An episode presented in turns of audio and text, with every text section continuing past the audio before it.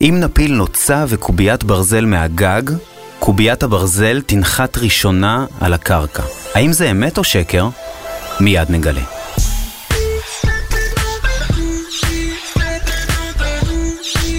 המאסטרים, המרצים הטובים בישראל מגיעים אליכם עם קמפוס אייל, המיזם הלאומי ללמידה דיגיטלית. עורך ומגיש, אסף וייס. One small step for man, one giant leap for mankind. הצעד הקטן הזה של אמסטרונג והגדול של האנושות לא התחיל ב-1969. גם לא בתחילת המרוץ לחלל אי שם בשנות ה-50.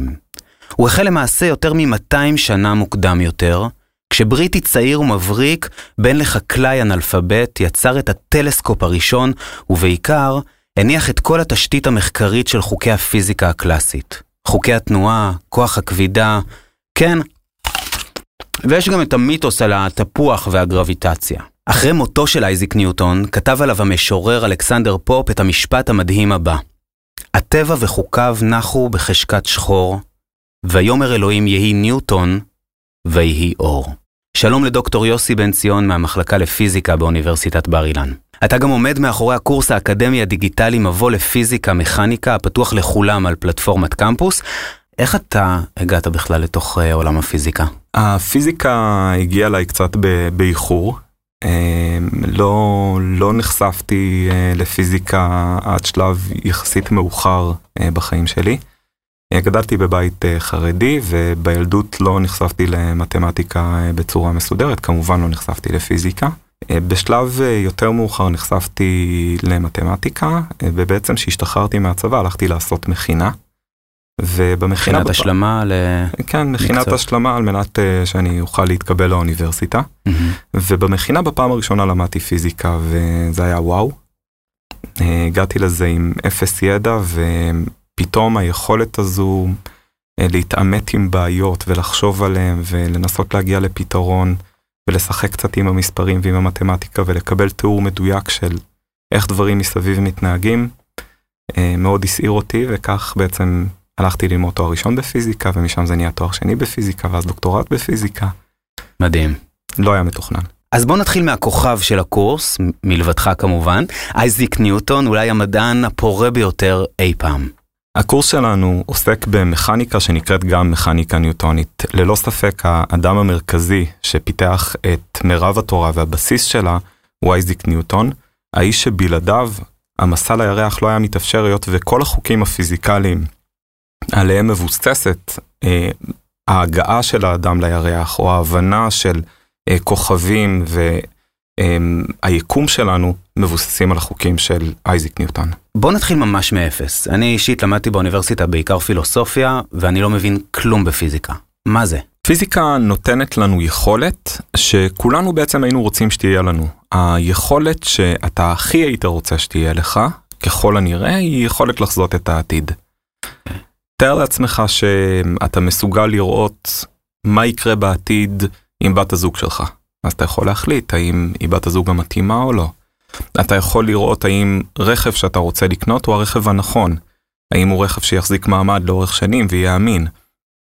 האם המספרים לדוגמה שאתה שמת כרגע בלוטו הם המספרים שהולכים לזכות. פיזיקה תגלה לי את הדברים האלה? אז רגע, פיזיקה אמנם לא תגלה לך עם איזה אישה להתחתן, אבל פיזיקה תגלה לך מה תהיה תחזית מזג האוויר באותו תאריך שבו תרצה אוקיי. להתחתן. פיזיקה תוכל לספר לך עבור בדיוק אותו תאריך, איפה כדור הארץ יהיה ביחס לשמש, ואיפה הירח יהיה ביחס לכדור הארץ. תחזית מדויקת עבור יום החתונה שלך. המדהים בכל העניין שאנחנו לא הגענו עדיין לתאריך הזה, אבל אנחנו יכולים לדעת בדיוק מה יתרחש בו. אנחנו בעצם מדברים על פיזיקה, אבל חלק מה- מהשם של הקורס וגם, וגם חלק מרכזי בתוכן ב- ב- בא לידי ביטוי במכניקה. מכניקה זה החלק בפיזיקה שעוסק בתיאור של אה, גופים שאותם אתה פוגש בחיי היום-יום שלך. אה, והחל מגופים קטנים ממש ועד גופים אה, ענקיים כמו אה, כוכבים ופלנטות, והמדהים במכניקה שאותם חוקים שגופים קטנים, קטנטנים כמו התפוח שכרגע נגסת בו מצייתים, גם כדור הארץ והשמש מצייתים. ובדיוק אותו חוק פשוט עבור התפוח הוא אותו חוק עבור כדור הארץ. זה. פיזיקה. פתאום כשאתה מציג את זה ככה זה נשמע פשוט וגם מסקרן, אז למה כל כך הרבה אנשים מפחדים מפיזיקה? לפיזיקה יש שפה. השפה שבאמצעותה אנחנו מתווכים את החוקים של הטבע היא השפה המתמטית. הפיזיקה לכשעצמה היא, היא פשוטה מאוד. כלומר, בפיזיקה אנחנו יכולים להשתמש באינטואיציה, בחיי היום-יום שלנו אנחנו פוגשים פיזיקה בכל רגע. כוס נופלת מהיד זה פיזיקה, כדור הארץ משך אותה כלפי מטה, אה, דברים נשברים, דברים נזרקים, כל הדברים האלה הם בעצם פיזיקה. זה דבר מאוד מאוד מאוד בסיסי בחיים שלנו. היכולת שלנו לאט לאט להיכנס ולהבין פיזיקה תוך כדי אינטואיציה, מה שאנחנו עושים בעצם בקורס, מלווה בהוראת המתמטיקה שנדרשת, תגרום לך אם תעשה את הקורס, תרגיש שפיזיקה לא מפחידה בכלל. אז, אז בוא תחבר לי עכשיו לרגע את, ה, את הדברים האלה, את האלמנטים, את ה, כן האינטואיציות שלנו עם המתמטיקה, עם הפוטנציאל לחזות את העתיד. איך כל הדבר הזה עובד? אני אנסה לתת לך דוגמה פשוטה. אם אני אדבר איתך על אה, וקטורים וסקלרים, אני אציג את המילה וקטור וסקלר, אין לך היכרות מוקדמת איתם, וכנראה המילים יאיימו עליך קצת. לגמרי. אבל אה, בוא נדבר על משהו פשוט. נניח שיש בינינו איזושהי חבילה, ושנינו מושכים אותה. אוקיי. אתה מושך בכוח שהגודל שלו חמש לכיוון שלך, אוקיי, בוא נעשה ו- את זה הנה על הפלאפון. הנה, אוקיי. אין בעיה. אני מושך חמש לכיוון שמאל ואתה מושך חמש לכיוון ימין. סך הכל כמה זה? כמה כוח פעל על הפלאפון? הוא לא זז, אז אפס? אני משער? נכון. אוקיי. כרגע אתה חיברת שני מספרים, אתה חיברת חמש ועוד חמש, ובמקום לתת את התשובה האינטואיטיבית, שזה עשר, אתה נתת אפס. כלומר, לפעמים חמש ועוד חמש הם לא עשר, הם יכולים להיות אפס, והם יכולים להיות כל מספר אחר בדרך, כי לפעמים כאשר אנחנו מחברים מספרים בפיזיקה, יש משמעות גם לכיוון. בוא תעשה לי רגע איזשהו סדר היסטורי אמ, ל- ל- לעולם הפיזיקה והתפתחות הדיסציפלינה והאזורים שבהם הקורס מתעסק בהם. אנחנו מסתכלים על הפיזיקה כמתחלקת לשלוש תקופות עיקריות. היוונים הקדמונים הם הגיעו עם הרעיון, בפעם הראשונה בני האדם חשבו שהם מסוגלים לתאר את הטבע. עד לאותה נקודה הטבע היה מין עובדה קיימת, והרצון לתת איזושהי תחזית או אה, להבין איזשהו מנגנון שעומד מאחורי הטבע, זה היה משהו שבני האדם לא חשבו שהם מסוגלים לעשות. היוונים הקדמונים באופן אה, מאוד פרימיטיבי אה, התחילו לנסח חוקים, שהיום אנחנו יודעים שהם כמובן לא נכונים. אנחנו מדברים על תקופת אריסטו, אפלטון. אריסטו, אפלטון, אריסטו הוא הדמות, הדמות ללא ספק המרכזית בתקופה הזו. אה, והם ניסו לייצר איזושהי חוקיות. החוקיות הזו לא הייתה חוקיות כמותית, כלומר לא היה שם מתמטיקה, אה, לגבי איך הטבע, איך הטבע עובד, וזה היה מבוסס על הרבה מאוד אינטואיציה שהייתה להם. עכשיו, בשלב מאוחר יותר, מגיעה התקופה השנייה, התקופה השנייה זה אה, תקופה של אה, לפני, החלה לפני בערך 400 שנה, כאשר האדם המרכזי הוא ניוטון. ניוטון לא היה האדם הראשון באותה תקופה. אה, אפשר לומר שגלילאו בעצם פרץ את הדרך עבור אותה תקופה, ובפעם הראשונה אנחנו רואים ניסוח מתמטי עבור החוקים הפיזיקליים. כלומר, אנחנו משתמשים בשפה, אותה שפה שבני אדם המציאו, שזה דבר מדהים, כי מתמטיקה לא מגיעה עם הטבע ביחד. כלומר, מתמטיקה זה משהו שבני אדם המציאו, וזה הומצא שלב אחר שלב אחר שלב, אמ, ומשתמשים באותה מתמטיקה על מנת לתאר את הטבע שנמצא סביבנו באופן מדהים ומעורר אה, השתאות והתפעלות כל פעם שאתה חושב על זה מחדש. ומה שמדהים בניוטון, שבכל פעם שלא היה לו מספיק מתמטיקה בשביל לתאר את הטבע, הוא בעצם המציא מתמטיקה. החשבון הדיפרנציאלי והאינטגרלי זה משהו ש... מה שאנחנו קוראים נגזרות ואינטגרלים, זה משהו שניוטון בעצם אה, כתב מהמם. על מנת שהוא יהיה מסוגל לתאר תנועה של גופים. אז זו התקופה השנייה, התקופה השנייה היא בעצם התקופה הקלאסית, תקופתו של, אה, תקופה שניוטון הוא האיש המרכזי בה, ובתקופה הזו, כן, שזה בעצם. תקופה, תקופה של, של כלל הנאורות, כלומר מ- מקופרניקוס וקפלר, ו- נכון, אה, קופרניקוס הוא האדם, גלילאו. האדם הראשון בעצם, אחריו אה, מגיע אה, גלילאו וקפלר. אה, לאחר מכן מגיע ניוטון, התקופה לא מסתיימת בניוטון, יש גם המשך שלה עם החשמל והמגנטיות. באותה תקופה בעצם אנחנו רואים תחזיות מתמטיות מדויקות עבור העולם שנמצא סביבנו, אם זה המכניקה שמתארת התנהגות של גופים, החשמל והמגנטיות שמתארת את התופעות הללו של חשמל ומגנטיות והאופטיקה. אלה הם התיאוריות המרכזיות באותה תקופה. התקופה השלישית נקראת הפיזיקה המודרנית. היא החלה לפני כמאה שנה.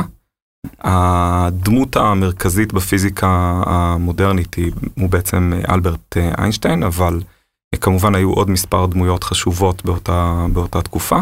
ושם יש לנו שתי תיאוריות חדשות, שתי תיאוריות ששינו לחלוטין את הפיזיקה וזו המכניקה הקוונטית ותורת היחסות. דיברנו על, על מכניקה ו, ובהתחלה הזכרנו גם את גרמי השמיים ואת המסע לירח, אז, אז בוא, בוא תגיד כמה מילים על תנועה מעגלית, מה זה בכלל הדבר הזה? תנועה מעגלית היא, היא תנועה ייחודית, היא תנועה, היא תנועה מאוד מעניינת.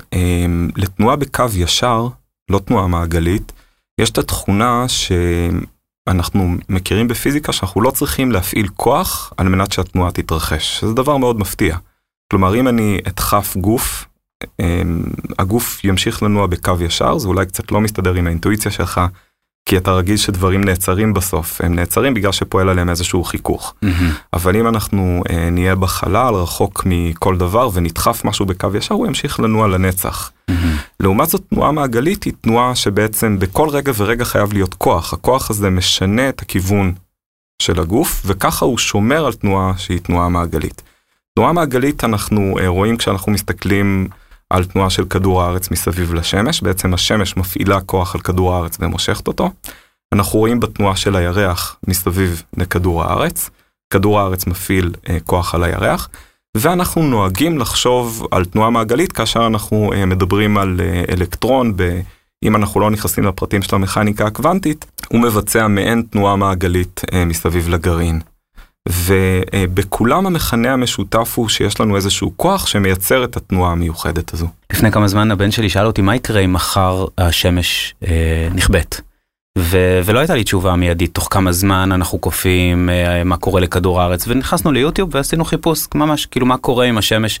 ויש סרטון מדהים של איזה שמונה דקות שמתאר מה קורה והדבר הראשון שקורה כמו שאתה מספר זה שקודם כל כדור הארץ מתחיל לנוע אל האינסוף ומפסיק את התנועה המעגלית שלו. מדויק. כדור הארץ מבצע את התנועה המעגלית אך ורק בגלל שהשמש מושכת אותו. כלומר, על מנת שהוא אה, יוכל לבצע את התנועה המעגלית, היה צריך להעניק לו איזושהי מהירות התחלתית בכיוון מסוים, פלוס המשיכה של השמש יוצרת את הסיבוב. זה לא מספיק שיש משיכה של השמש, כי אם היה רק משיכה של השמש, הוא היה רץ לשמש. טוב, התפוח הנגוס פה על השולחן אה, מזכיר לי שלא לא הגענו בכלל לדבר על אה, שלושת חוקי ניוטון. נתחיל מהחוק הראשון. החוק הראשון נקרא גם אה, חוק ההתמדה. נניח אה, אני ואתה נמצאים ברכבת, ואני מחזיק את התפוח הנגוס, הפנים שלי בכיוון הנסיעה, ואני אזרוק את התפוח כלפי מעלה. התפוח יחזור אליי ליד לדעתך, או יפגע איפשהו מאחורה? אה, יחזור אליך ליד. נכון, אתה צודק, אבל זה לא מובן מאליו נכון. שהתפוח יחזור אליי ליד. כי לא דחפתי אותו קדימה בעצם. נכון, ש... אתה זרקת אותו כלפי מעלה. אני זרקתי אותו כלפי מעלה, כן. והרכבת בזמן הזה התקדמה. אוקיי. הוא היה אמור לפגוע איפשהו מאחורה. אה, נוכל לקחת את זה אולי לדוגמה אחרת. אתה נוסע ברכב, הרכב נוסע במהירות קבועה, ואתה מוציא את היד מהחלון וזורק את התפוח כלפי מעלה. אוקיי. בזמן שהתפוח באוויר, הרכב מתקדם. התפוח בכל זאת יחזור אליך ליד. כן, גם אם יש רוח חזקה ממול? בוא נניח שהרוח לא מספיק חזקה על מנת uh, לעצור את התפוח שלנו. Uh, נקודה היא זה חוק ההתמדה. כשהתפוח יצא מהיד שלנו, אם זה ברכבת או אם זה ברכב הנוסע, אנחנו אמנם הענקנו לו אך ורק מהירות כלפי מעלה, אבל התפוח יצא מתוך מערכת שהיא קדימה. Mm, ועם אותה מהירות הוא בעצם מטפס, והוא לא יעשה, לצופה מבחוץ, הוא לא יעשה תנועה של למעלה-מטה, אלא הוא יעשה מין אה, תנועה פרבולית כזו, שכוללת גם את ההתקדמות קדימה. זה, זה החוק הראשון שהוא בעיניי חוק יפהפה, חוק ההתמדה. חוק ההתמדה. גופים שואפים להתמיד במצב שלהם. החוק השני של ניוטון הוא אה, החוק החשוב ביותר, והוא בעצם נותן את הקשר בין כוח, כוח זה הדבר המאוד בסיסי הזה שאתה חושב על למשוך משהו, לדחוף משהו, זה כוח, לבין השינוי במהירות שאותו כוח מייצר. כוחות מייצרים שינוי במהירות, מה שאנחנו קוראים תאוצה, ואיזה תאוצה כוח מפעיל על גוף, זה החוק השני שניוטון מספר לנו.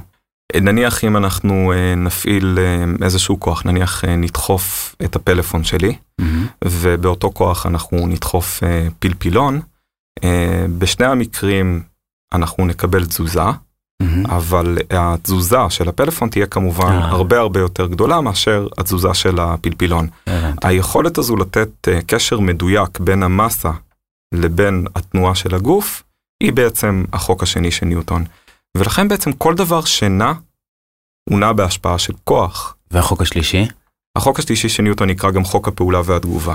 כאשר גוף א' מפעיל על גוף ב' כוח, גוף ב' בהכרח יחזיר לגוף א' כוח שווה בגודלו והפוך בכיוונו. אתה משחק איתי הורדת ידיים, אוקיי. אתה מפעיל עליי כוח, אני מפעיל עליך בדיוק את אותו כוח בכיוון ההפוך. זה לא יותר כוח, זה לא פחות כוח, בדיוק את אותו כוח. אבל אם אתה יותר חזק ממני אתה תפעיל יותר, לא? ואז תנצח. אני אצליח לנצח אותך בגלל שהיד שלי מחוברת לגוף, ואני יכול עם כל הגוף שלי להפעיל עוד כוח על מנת לגרום ל, לכל המוט הזה לרדת למטה. כלומר, ה, אתה זוכר אולי את החוק השני של ניוטון, הכוח לא משפיע באותה צורה על שני אנשים. אבל זה לא בא לידי ביטוי רק בין בני אדם, בין, אה, בתוך עימות, אלא גם מול עצמים. זה בא לידי ביטוי גם מול עצמים, החוקים האוניברסליים הם נכונים בכל מקום ובכל זמן, על כל עצם. כלומר, אם- אם, אם אני אה, למשל עושה לשולחן עכשיו את התנועה הזו, יפה, השולחן יחזיר לך כרגע בחזרה. הבנתי. עכשיו, אה, כמובן אם אתה אה, תיקח פטיש ואתה תרביץ לשולחן, השולחן בסופו של דבר יישבר, אבל אה, אתה הרגשת בדיוק את אותו כוח אה, שאתה הפעלת על השולחן, כלומר הפטיש הרגיש את אותו כוח שהרגיש השולחן בכיוון ההפוך, השולחן נשבר כי לא תמיד תוצר של כוח זהה עבור שני עצמים שונים. הנקודה היפה עם החוק השלישי שאנחנו משתמשים בו כל הזמן. אם תחשוב על זה, איך אנחנו הולכים? אנחנו דוחפים את הרצפה לאחור. למה אנחנו דוחפים את הרצפה לאחור? כי אנחנו יודעים שהרצפה תחזיר לנו כוח הפוך בכיוונו, שווה בגודלו והפוך בכיוונו קדימה, ובעצם הרצפה היא זו שגורמת לנו לנוע קדימה. מדהים, שזה משהו שתינוקות כמכונת למידה מטורפת לומדים עושים את מתוך זה ההתנסות בעצמם, בעולם. כך הם בעצם זוחלים. כשאנחנו זוחלים אנחנו דוחפים את הקרקע גם עם הרגל וגם עם היד אחורה. מהמם. איך אנחנו שוחים? אנחנו דוחפים את המים לאחור. למה אנחנו דוחפים את המים לאחור? כי אנחנו יודעים שהמים ידחפו אותנו בחזרה קדימה. כל תנועה של התקדמות היא תנועה שמבוססת על החוק השלישי. אני מבין, ואז קופץ לי הראש אה, ניל אמסטרונג מההתחלה, שנמצא עכשיו על הירח, עם מה קורה כשאין קונטרה? אם אתה נמצא בחלל, על הירח זה אולי אה, אה, קיים, קיים קונטרה, הוא, היא כן. יותר נמוכה, אבל אם אתה נמצא לגמרי בחלל זה נהיה מאוד מעניין. אז יש לך שתי אפשרויות, לפחות שתי אפשרויות פשוטות. אחת, ציין חבל מהחללית שלך, ואז אם אתה מומלץ. רוצה לחזור, מומלץ מאוד, אתה מושך את החבל, שים לב, אתה מושך את החבל בכיוון ההפוך מהכיוון שאליו אתה רוצה להתקדם. אתה מושך את החבל אליך ואז אתה מתקדם קדימה בעזרת החבל, או תגיע עם כמה אבנים בכיס. אתה זורק את האבן בכיוון הפוך מהכיוון שאליו אתה רוצה להתקדם, והיות ואתה הפעלת כוח על האבן, האבן תחזיר לך כוח שווה בגודלו והפוך בכיוונו, וככה אתה בעצם תתקדם. למען האמת, מספיק שאתה תזרוק אבן אחת בחלל, והאבן הזו תחזיר לך כוח, ובגלל החוק הראשון של ניוטון, חוק ההתמדה, היא תעניק לך איזושהי מהירות התחלתית, ועם המהירות הזו אתה תמשיך בקו ישר קדימה. אם תרצה לשנות קצת את הכיוון שלך, כדאי שתזרוק אבן נוספת. כדאי להכין כמה. אה, כדאי להכין כמה אבנים. אנחנו מתקרבים לסיום ויש לנו חוב קטן מההתחלה. זרקתי אכן. מהגג אה, קוביית ברזל ו- ונוצה. אה, האם אכן קוביית הברזל תגיע לקרקע ראשונה? שאלה מצוינת, אנחנו מדברים עליה בקורס שלנו. אה, אם אנחנו נוריד את ההשפעה של האוויר, כלומר אילו אנחנו נהיה בוואקום מוחלט, ללא אוויר מסביב, הנוצה וקוביית הברזל יגיעו לקרקע בדיוק באותו זמן. התאוצה שלהם היא זהה לחלוטין, היא 9.8 מטר לשנייה בריבוע. הם ירדו ביחד אחד ליד השני ויגיעו לרצפה בדיוק באותו רגע, אנחנו גם אה, מבצעים את הניסוי הזה בקורס. בתוך ריק? שואבים אוויר כאן ממכל ונותנים לנוצה וקובייה אה, ליפול, ואתה יכול לראות ממש את ההגעה המדויקת שלהם לקרקע. מרתק, אז בעצם אם אנחנו זורקים את שניהם בתוך ריק, הם מגיעים ביחד, אבל uh, needless to say שאם uh, אני באמת זורק ממגדל, הקובייה תגיע קודם. נכון, הקובייה תגיע קודם, אם אין לנו ריק ללא ספק. הבנתי. האינטואיציה עובדת. טוב, תודה לך יוסי. רגע לפני שניפרד נזכיר שכל מה שדיברנו עד עכשיו זו רק הצצה קצרה, טעימה קטנטנה מהקורס העשיר מבוא לפיזיקה מכניקה. הקורס פתוח לכולם בחינם על פלטפורמת קמפוס בהובלת מטה ישראל דיגיטלית במשרד לשוויון חברתי והמועצה להשכלה גבוהה. מאות אלפי לומדים וסטודנטים כבר נהנים מכל הטוב הזה, והכל בזמן, במקום ובקצב שלהם אתם מוזמנים להיכנס לקמפוס.gov.il. אז לסיום, עד שאני אלמד את הקורס אה, כולו, תן לי משהו קטן בינתיים לקחת איתי לשיחת ברזייה. אה, בוא נדבר על אה, הפיזיקה שמתפתחת היום. אוקיי. הפיזיקה החדשה, התיאוריה שהיום נמצאת בכותרות זו המכניקה הקוונטית. המכניקה הקוונטית היא בעצם המשכה של המכניקה הניוטונית שאנחנו לומדים בקורס. והיום העולם כולו נושא עיניים לכיוון של מחשב קוונטי. אז מה מיוחד במחשב קוונטי לא נספיק לדבר כרגע, כן. רק ניתן תכונה אחת מעניינת שלו. מחשב קוונטי יהיה מסוגל במהירות רבה לפצח את כל ההגנות, את כל הסיסמאות שקיימות כרגע, את כל שיטות ההצפנה שאנחנו משתמשים בהם היום. אז אולי מצד אחד אנחנו מקווים לקבל בשורה על מחשב קוונטי, מצד שני זה מלווה בהרבה מאוד חשש. מרתק. טוב, זה רק על, על קצה המזלג, אה, לחלוטין. אולי זה הזמן להרים לפרק אחר של הפודקאסט, פרופסור בני שור ודוקטור אמיר רובינשטיין מאוניברסיטת תל אביב, בפרק אחר של הפודקאסט על מדעי המחשב, אנחנו מדברים גם על זה. יוסי, תודה רבה לך על הקורס המרתק ועל הפרק הנהדר הזה. תודה רבה, היה כיף.